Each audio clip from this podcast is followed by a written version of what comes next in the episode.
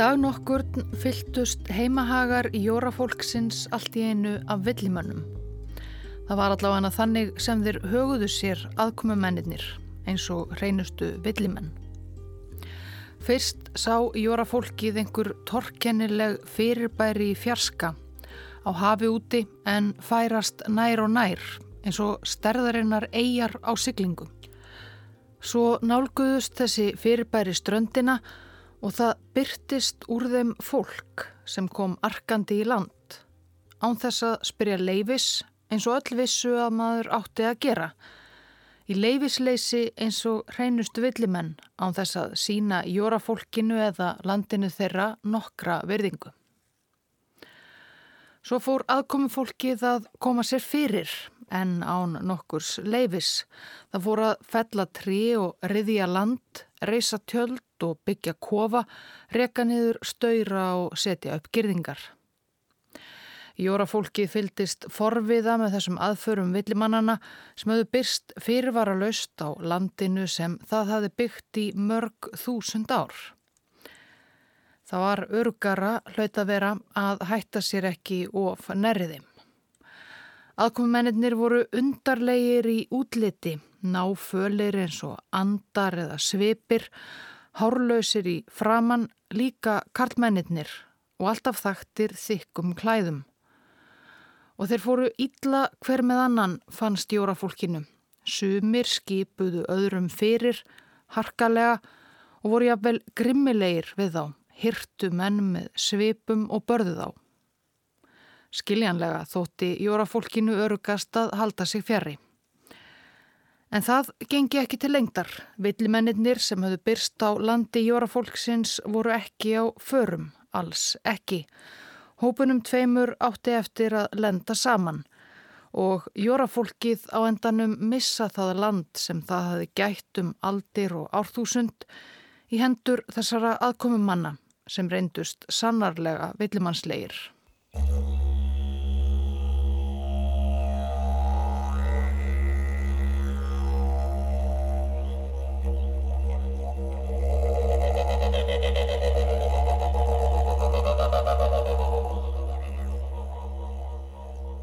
Þegar James Cook, lautinant í breska sjóhernum, lagði af stað á barkskipinu Endeavour frá höfninni í Plymouth síðst á Englandi í ágúst 1768, hafði hann fengið ein formleg fyrrmæli frá yfirmönnum sínum í breska flotamálaráðuneytinu um ferðalægið, svo ein óformleg eða öllu heldur leinileg fyrrmæli og það voru þau enn þegar Endeavour lagði úr höfn á Englandi. Endeavour var búið til langs könnunar og vísindaleiðungurs langt suður á búin en konunglega breska vísindafélagið stóðað ferðskipsins á samt flotamálaráðuneyti. Formleg fyrrmæli Cooks lautinants voru að sigla til Tahiti, eigu í miðju Kirrahafi sem Evrópabúar voru þarna nýbúnir að uppgötva Þar sem aðstæður áttu að verða með besta móti til að verða vitni að því þegar Venus gengi næst fyrir sólu þann 3. júni 1769. Þvergöngur Venusar verða á meira en 100 ára fresti en breskir vísindamenn vonuðist til þess að geta nýtt útreikninga af slíkri þvergöngu til að reikna út fjarlægð jarðarinnar frá sólu. Um borði Endeavor voru því vísindamenn, meðal annars stjórnufræðingur og svo sá sem varð næst þekktastur áhafnarliða á eftir Cook sjálfum, náttúrufræðingur að nafni Joseph Banks. Um siglingu og Ímis ævintýri Cook, Banks og félaga í Endeavor á leið Suðrabógin mætti halda langa tölu. En skemst er frá því að segja að skipið komst til Tahiti í tæka tíð og spekingarnir um borð gáttu fylst með Venus ganga fyrir sólu eins og ætlast hafi verið til. Að því verkefni loknu gatt skipstjóri Endeavour James Cook svo opnað umslægið með hinum fyrirmælunum sem hann hafi fengið í lundunum, þeim leinilegu. Því ferð hans var hverginnar í lokið.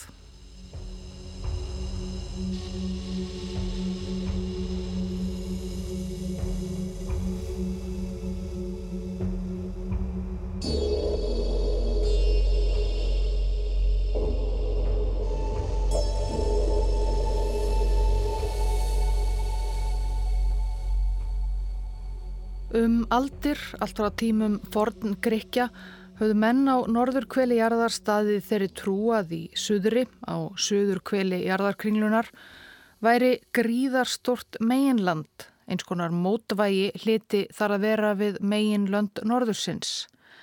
Terra Australis incognita var það kallað á latínu, landið óþekta í suðri. Þegar komið var langt fram á átjándu öld og evrósk skip farin að sigla ansi víða um suðlag heimsöfin, hafði landið óþekta þó enn ekki fundist. En það voru ímis ókönnuð hafsvæði þar siðra þar sem leinst gætu óþekt lönd og það var eitthvað þarna, það var þegar vitað.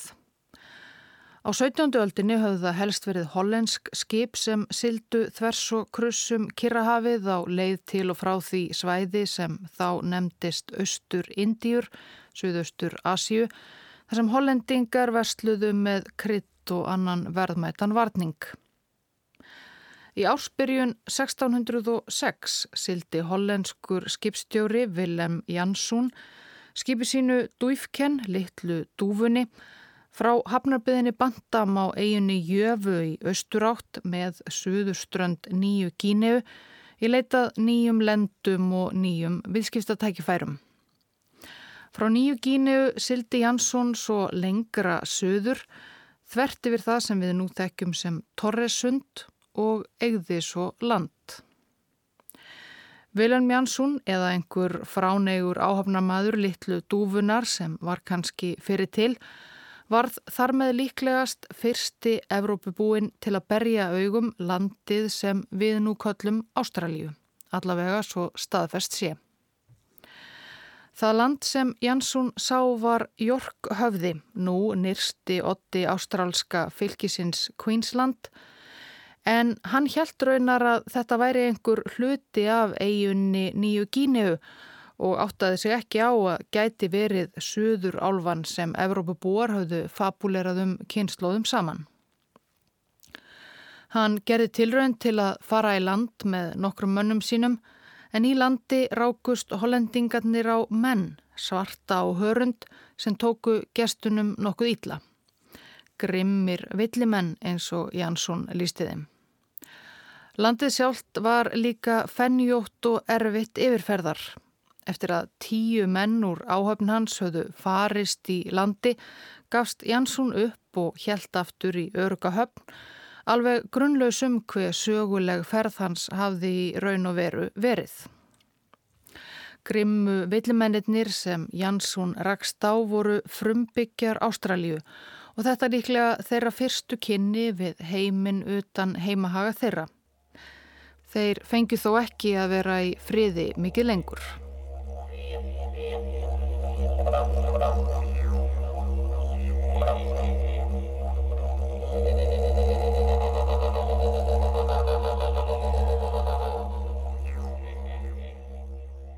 Við vitum ekki nákvæmlega hvenar það var sem mannfólk steg fyrst fæti á það land sem nú kallast Ástralja en við vitum að það er mjög langt síðan.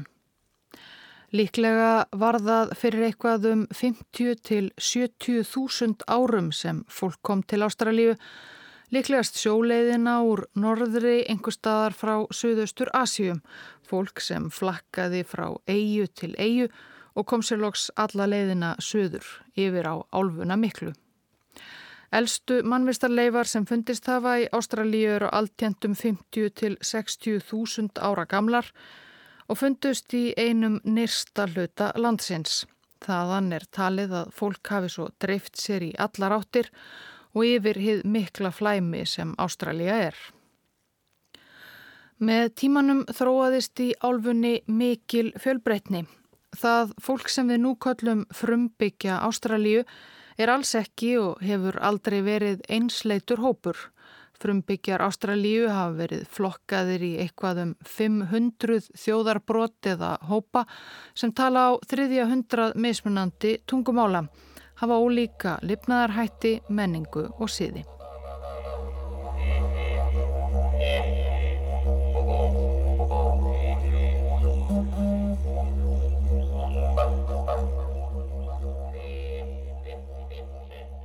Þetta er þurrasta og gróðursnöðasta land sem finna má nokkur staðar á jörðinni. Íbúatnir eru líka eitthvað vesalasta og auðmasta fólk sem ég hef á æfiminni séð. Í april 1623 sildi hollendingurinn Jan Karstens á skipinu Peru niður með vesturströnd Jórkáða sem landi hans Jansson hafði heimsótt 17 árum áður. Það sem engin trí eru neinstadar við þessa strönd eiga er enga báta eða kanóa. Mennirnir eru háaksnir og grannir að sjá, þeir eru mjög dökkir og kviknaktir.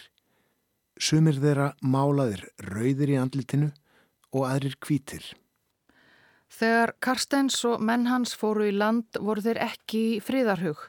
Þeir gerðu tilraun til að ræna innfættum manni og til einhverja átaka kom milli hópana áður en Karsteins og félagar letu sig hverfa aftur á hafút. Aðkomi fólk let svo frumbyggja Ástralju meir og minna í friði næstu áratugina en ekki að eilifu.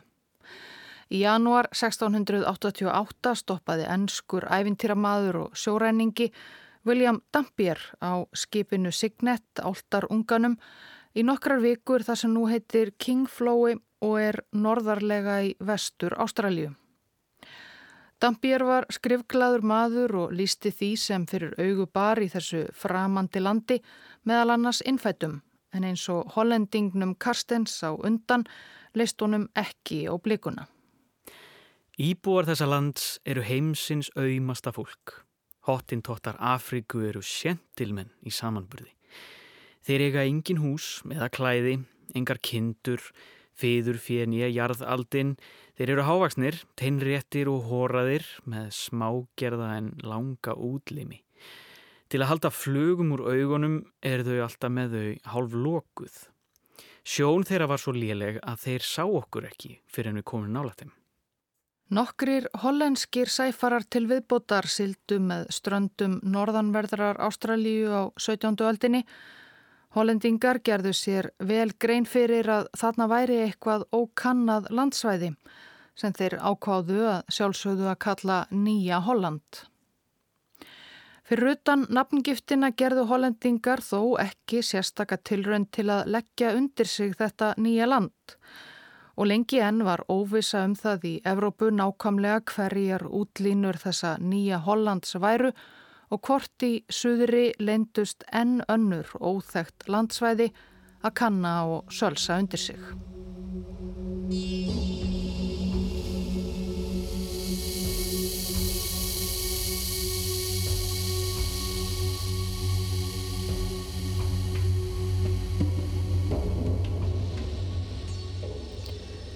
Og það var meðal annars það sem Endeavour, skip James Cook, átti að komast að þegar skipverjar voru búinir að líta til heimins á Tahiti og verða þar fyrir sér Venus.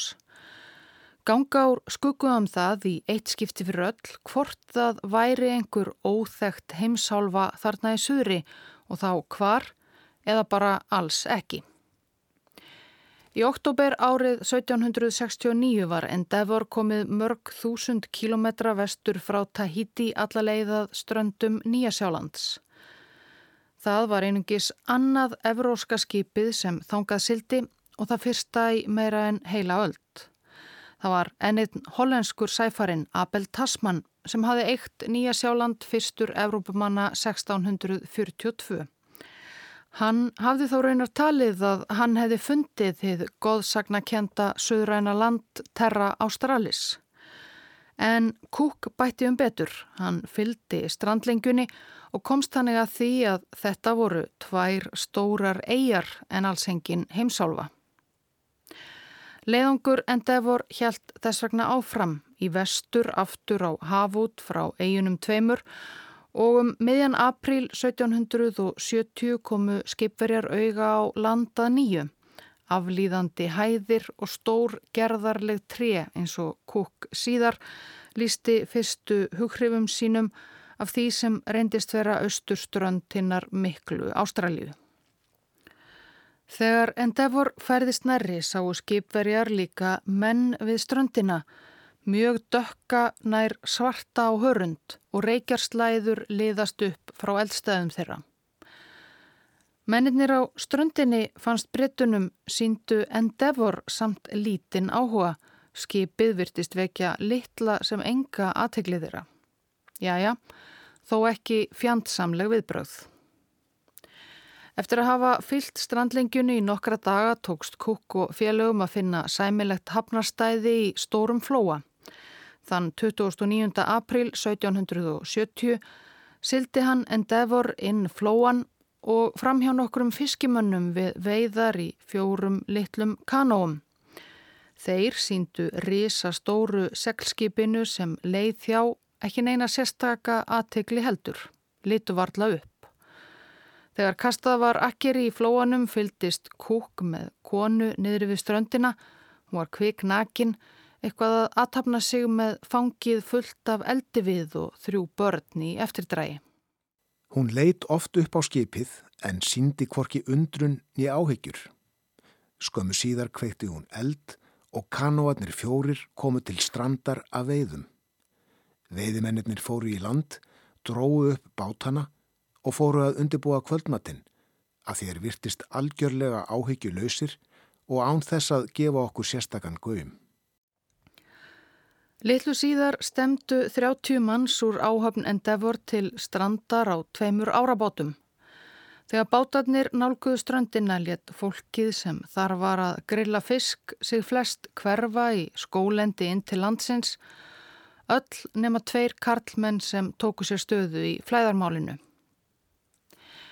Á Tahiti hafi gengið til liðs við áhöfn Endeavor innfættur Tahiti maður, seiðmaður og snjall sæfari að nafni Tupaya sem hjálpaði kúk að rata í gegnum völundarhús Kirrahafsæja.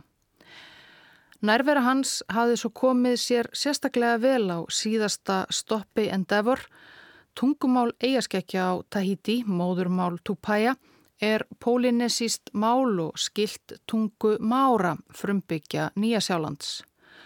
Tupaya gæti tólkað fyrir bretana þar, nokkuð sem kom sér afar vel þegar þeir þurftu að eiga við skiljanlega tortrygga márana. Tupaya var líka framarlega í flokki þegar bretatnir heldu til strandar á þessum nýja óþekta stað en svörtumennir tveir sem orðið höfðu eftir við ströndina virtust ekkert skilja það sem Tupaya reyndi að kalla til þeirra og hann skildi heldur ekkert orð úr þeirra munni. Það, vitum við í dag, er ekki að undra. Tungumál frumbyggja Ástralíu eru bókstaflega ekkert skild tungumálum mára og annara Polynésiubúa. Forfeður mannana á ströndinni voru líka á ferðinni og komið sér fyrir í Ástralju 2000 ára áður en Pólinesjumenn dreifðu sér um eigjar Kirrahafsins. Það eruðu engar samningaviðræður þarna eins og verið hafði á Nýja sjálandi. En það mótti reyna vöruskipti. Við hendum til þeirra nokkrum nöglum, perlum og svoleiðis sem þið tókuð upp og virtust ekki óanæðir. Svo ég held að þeir væru að benda okkur á að koma í land en þar skjáttlaðist mér. Því um leið og við komum nærri, komuð þeir á mótið okkur. Ég skaut úr framhlaningi á millið þeirra, sem hafði ekkert að segja nema að þeir hörfuðu og eitt þeirra tók upp stein og hendi í okkur, sem var til þess að ég skaut aftur. Mennitni tveir ósærðir eftir byssuskotin hörfuðu á endanum líka inn í skóginn.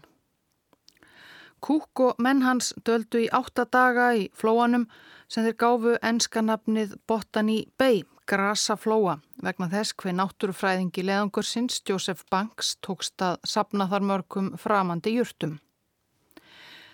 En á meðan gekk Kúk og Tupaya ekkert að eiga samskipti við innfætta sem heldu sig fjarrri, fyldust með þeim úr fjarlæð millir trjána en hörfuðu yðurlega þegar aðkomumennir reyndu að nálgast á. Þeir virtust bara vilja við færum, skrifaði Kúk síðar og kannski ekki aðundra. Að öðru leiti taldi hann fólkið mennlaust en uppburðar lítið í samanburði við hinna mikilfenglegu og máttugu mára Nýja Sjálands með sínar stóru virkisbyggðir stríðstansa og stríðsbúninga. Frumbyggjarnir hér virðast ekki vera margir, nýja heldur virðast þeir búa saman í stórum hópum, heldur í litlum flokkum við strandlingjuna. Þeir sem ég sá voru áþekkir Evrópumönnum á hæð, mjög dökk brúnir á hörund en ekki svartir, með svart slett hár líkt okkar. Aldrei sáum við neyn klæði eða skrautmunni. Suma sáum við málaða í andliti með einhvers konar kvítu litarefni. Í grasaflóa reyndist lítið við að vera annað en að sapna júrtum. Svo næstu vikurnar hjælt Endeavor áfram í norður upp með austurströnd Ástralíu. Í júni lág við að ítla færið þegar Endeavor steitti á kóralrifi en James Cook uppgötuði þar með eitt af náttúrulegum undrum veraldar, kóralrifið mikla úti fyrir ströndum Queensland og skemmtist skipið þó verulega. Áhafnaliðum tókst þó að koma í vekk fyrir að skipið sikki, dróðu það í átt til lands og voru svo í sjö vikur að gera við skipið. Samskipti brettana við innfætta sem líkt og í grasaflóa fyldust með þeim úr fjarlægð voru áfram lengst af í mýflugu mynd. Eftir nokkrar vikur við ströndina fóru frumbyggjarsvæðisins þó að nálgast aðkomumennina með brotna skipið varfærnislega og taka út þessar furðu verur. James Cook fylgdist með frumbyggjunum og þó honum hafi fundist þeir uppburðar litlir í fyrstu, fannst honum á endanum þegar hann kynntist þeim ögn betur nokkuð mikið til þeirra sjálfra og lifnaðarhátt að þeirra koma. Frumbyggjarnir virðast kannski vera vesalasta fólk í erðarinnar, en í raun og veru eru þeir þó mun hamingisamari en við Evrópubúar. Þeir búa við friðsælt sem ójöfnuður fær ekki raskað. Jörðin og hafið veitaðum allt sem þeir þarnast. Þeir búa við hlít og gott loftslag svo að þeir þarnast varla klæða. Þeir virðast ekki leggja mikið mat á neitt hlut sem við gefum þeim, nýja heldur vilja þeir skilja við nokkuð af sínum eigin hlutum. Þetta, að mínum mati, bendi til þess að þeim finnist þeir búa yfir öllum nöðsynjum lífsins og ekkert sé óþart. En helsti fræðimaður ferðarinnar, Joseph Banks, var alls ekki eins hrifin. Í leiðangrinum til þessa hafði hann nú þegar komist í kynni við eigaskeggja á Tahiti, Mára, Nýja Sjálands, frumbyggja Eldelandsins á síðsta 8 Suður Ameríku sem og annað fólk sem var breskum brótborgurum sem honum framandi. Þetta var vel á minnst nokkrum árum fyrir fræga heimsókn banks til Íslands. En var það mat bretans að frumbyggjar Ástralíu væru að líkindum hvorki meirinni minna en frumstæðasta fólk í arðarinnar. Það sem ekki síst fór fyrir brjóstið á banks var að fólkið klættist engum fötum, ekki einu sinni konurnar. Konurnar á eldlandinu huldu að minnstakosti sköpsín með selskynspjöllum. Í ágústbyrjun 1770 var Endeavor reyðbúið til siglingar að nýju og tók nú stefnuna í norður til austur Indíu, aftur til siðmenningarinnar og hins þekta heims. En James Cook átti þó eitt eftir til að ljúka fullu því verkefni sem flótamálaráðuneyti Breitlands hafði falið honum. 22. ágúst fór James Cook með mönnum sínum í land á lítilli eigu rétt undan ströndu nýrsta ottalandsins sem hann hafi kannad. Jork höfða þeim þar sem hollendingar höfðu áður komið. Við sáum þar nokkur fjölda fólks og byggust við því að þau myndu setja sig gegn því að við kæmum í land. En þegar við nálguðum ströndina letuðu sig hverfa. Ég er vissum að engin Evrópumadur hefur séð eða heimsótt þennan stað á undan okkur. Ég dró enskan fána að húnni og í nafni hans hátegnar Georgs konungs þriðja sló ég eign hans á alla östuströndina. Meira mál var það ekki. Það hafði vitaskuld einnig verið hluti af fyrirmælum kúks frá breskum stjórnvöldum að ekki aðeins finna suður álfuna miklu heldur um leið slá á hana breskri eign. Og þar sem ekki virtist búa á landinu nema nokkra hræður, fámennir hópar fólks sem ekkert vildu með aðkomi fólk hafa, Virtust engar byggðir hafa reist sér eða nokkur búskap, uppurðalítið fólk sem litlu máli skipti, já, það lág beinast við að leggja landið undir Breitland. James Cook nefndi litlu eiguna sem hann stóð á Possession Island, eignar eigu hreinlega, og hjæltar litla veistlu með áhöfn sinni til að fagna þessari nýjustu eign bresku krúnunar svo sildi breska barkskipið Endeavour á braut.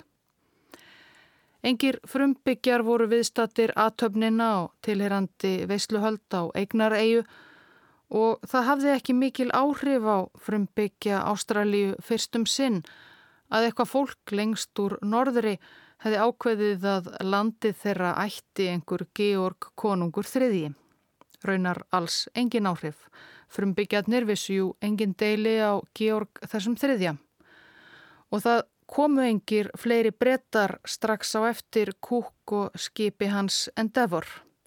Þetta nýja land bresku krúnunar var líka einlega eins langt í burtu frá breskum ströndum og hugsast gat og brettar áttu þangað hreinlega ekkert erindi. Frásagnir Joseph Banks og fleiri leiðangursmanna af þessu þurra gróður litla landi og því fælna og frumstæða fólki sem þar bjó voru kannski heldur ekki til að æsa marga til langferða þangað suður. Lýsingar endevormanna á ljúfu eigalífinu á Tahiti og harðsýruðum stríðsmunum Nýjasjálands vöktu miklu meiri aðtegli bresks almennings.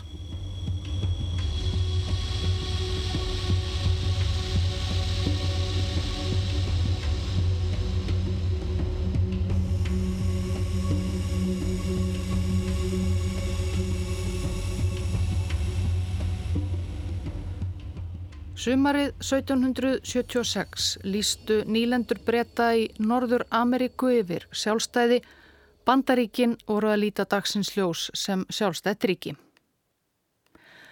Missir nýlendanna þar vestra hafði margvíslega áhrif á brest samfélag.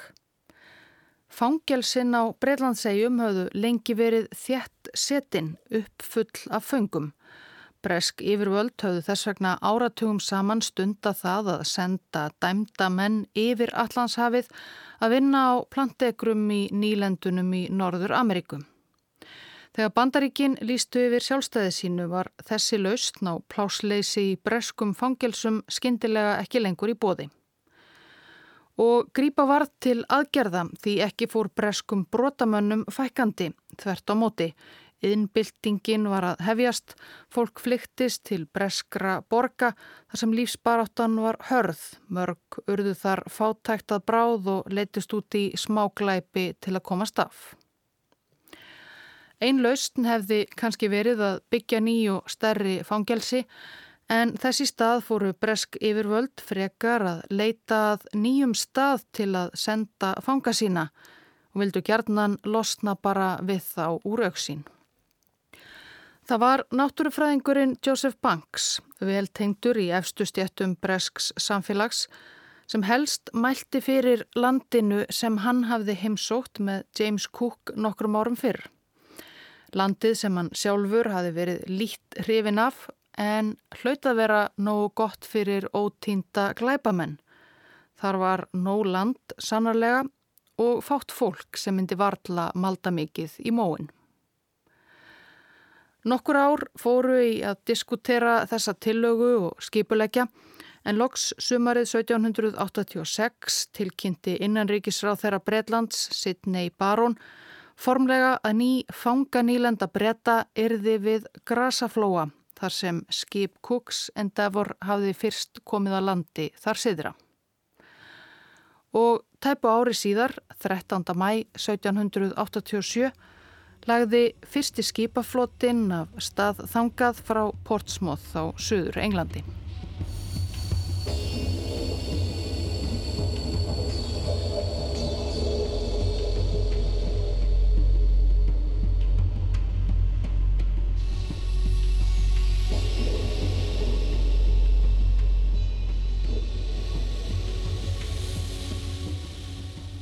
Í þessum fyrsta flota eins og hann er jafnum kallaður enn í dag, The First Fleet, voru 11 skip, 6 fangarskip, 3 byrðaskip og 2 bresk herskip sem samtalsfluttu á 800 sakamanna og kvenna og um 300 sjó og hermenn.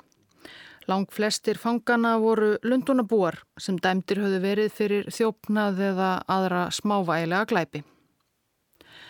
Siklingin frá sunnanverðu Englandi og til Grasaflóa á söður kveli var um 24.000 km laung og tók skipin 11 meira en 8 mánuði, 252 daga. Það var loks 18. janúar 1788 sem fremsta skip flotans sildi inn í Grasaflóa. Ekki eitt einasta brest skip hafði þá komið á þessar slóðir síðan Kúk var þar á ferð átján árum áður. Áhafnirnar höfðu einungis lýsingar, Kúks, banks og samferðamanna þeirra og staðþáttum að styðjast við, vissu annars varðla hvað þeir voru að fara úti. Það voru skip fyrsta flotans breska sem jórafólkið sá eins og minnst var á í upphafi þessa þáttar og fannst vera eins og eigjar á floti. Stærri fyrirbæri en þessi skip höfðu þau aldrei séð. Jórafólkið hafði búið við grasaflóa og í nágræni í þúsundir ára, kannski eitthvað um 30.000 árað taliðir. Jóra Þetta er hendar nafn sem aðkomi fólkið gaf þeim síðar. Í raun voru þetta nokkrir skildir hópar frumbyggja og nákvæmlega hvað þau kölluðu sig sjálf þarna er óvist í dag. En köllum þau jórafólkið áfram. Í þessar þúsundir ára hafði það sótt sjóin fyrst og fremst, siltum flóan og nákrenni á litlum kanóum og fiskað og veitt dýr í skóarþykninu sem tók við af ströndinni uppi í landi. Þessi landsins og hafsins gæði höfðu í þúsundir ára nægt þeim til þægilegurar afkomu og jórafólkið hafði aldrei fundið að hjá sér að breyta til, byrja búskap eða tilenga sér aðra leiðir til lífsviðurværis. Þeim kom mísjablega saman við aðrar þjóðir og þjóðarbroti kring en mest friðsamlega En eitt var víst að maður arkaði ekki inn á landsvæði sem greinilega tilheyrði öðrum hópi án þess að byggja leifis. Allra síst fór maður að koma sér þar fyrir eins og aðkomi fólkið á fljótandi eigunum gerði þarna.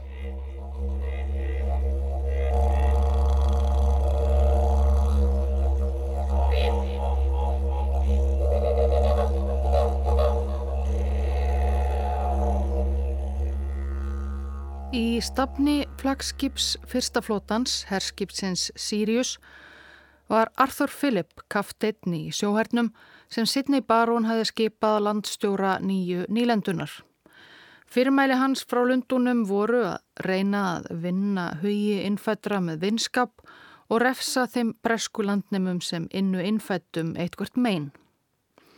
En breytarnir vissu lítið sem ekkert um þetta fólk hverra heimkynni þeir ætluðu nú að sölsa undir sig og höfðu afar takmarkaða getu til að eiga við það samskipti.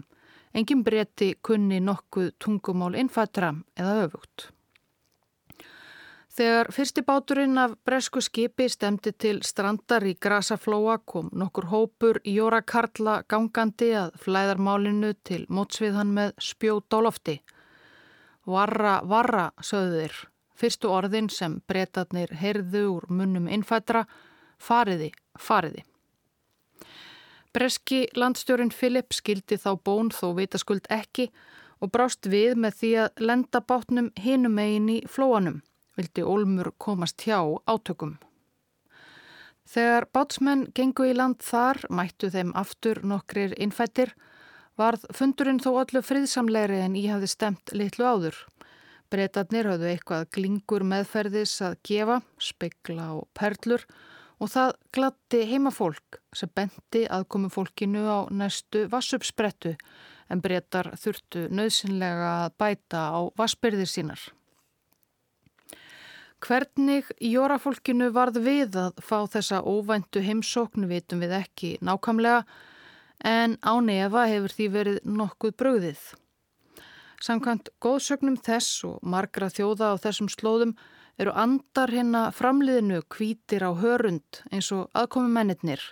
Kanski heldu þau fyrst að þeir kæmu reynlega að handan á þessum gríðarstóru fljótandi eigum af hafiúti. Smátt og smátt var þeim þó ljóst að þetta væri fólk af holdi og blóði eins og þau, þó fölværu og þó svo að þau hildu líkama sína klæðum. Fött vöktu mikla forvitni heimafólks sem var vant að vera nær ætíð alls nakið. Heimafólkið taldi líka fyrstum sinn að þetta væru mögulega allt saman konur því aðkomufólkið var allt jafn hárlaust í framann, ekki skegg að sjá.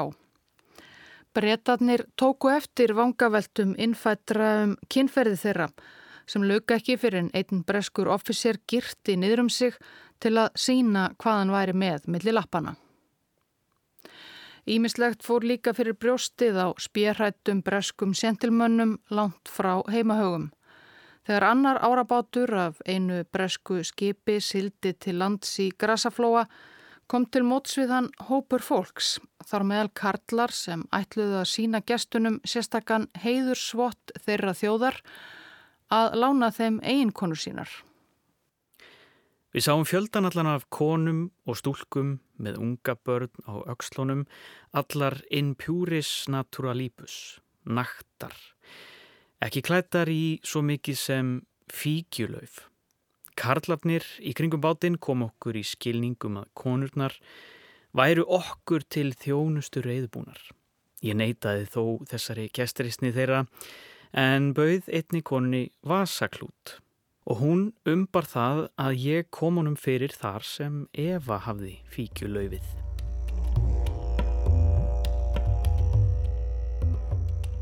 Þegar Joseph Banks og félagar seldu breskum stjórnvöldum hugmyndina um fanganýlendu í hennum fjarlaga grasaflóa hafði verið talað um að þar væri allt til þægilegar búsettu gott hafnarstæði, ströymharðar ár og grætn og gjöfull gróður. En Kúk og Bank sögðu verið á ferðinni á þessum slóðum og votum haustmánuðum en núna var þurkatímabill. Vass uppspretturnar sem brettar fundu voru fáar og væskilslegar og landið alls ekki eins grósku mikið og þeir höfðu búist við.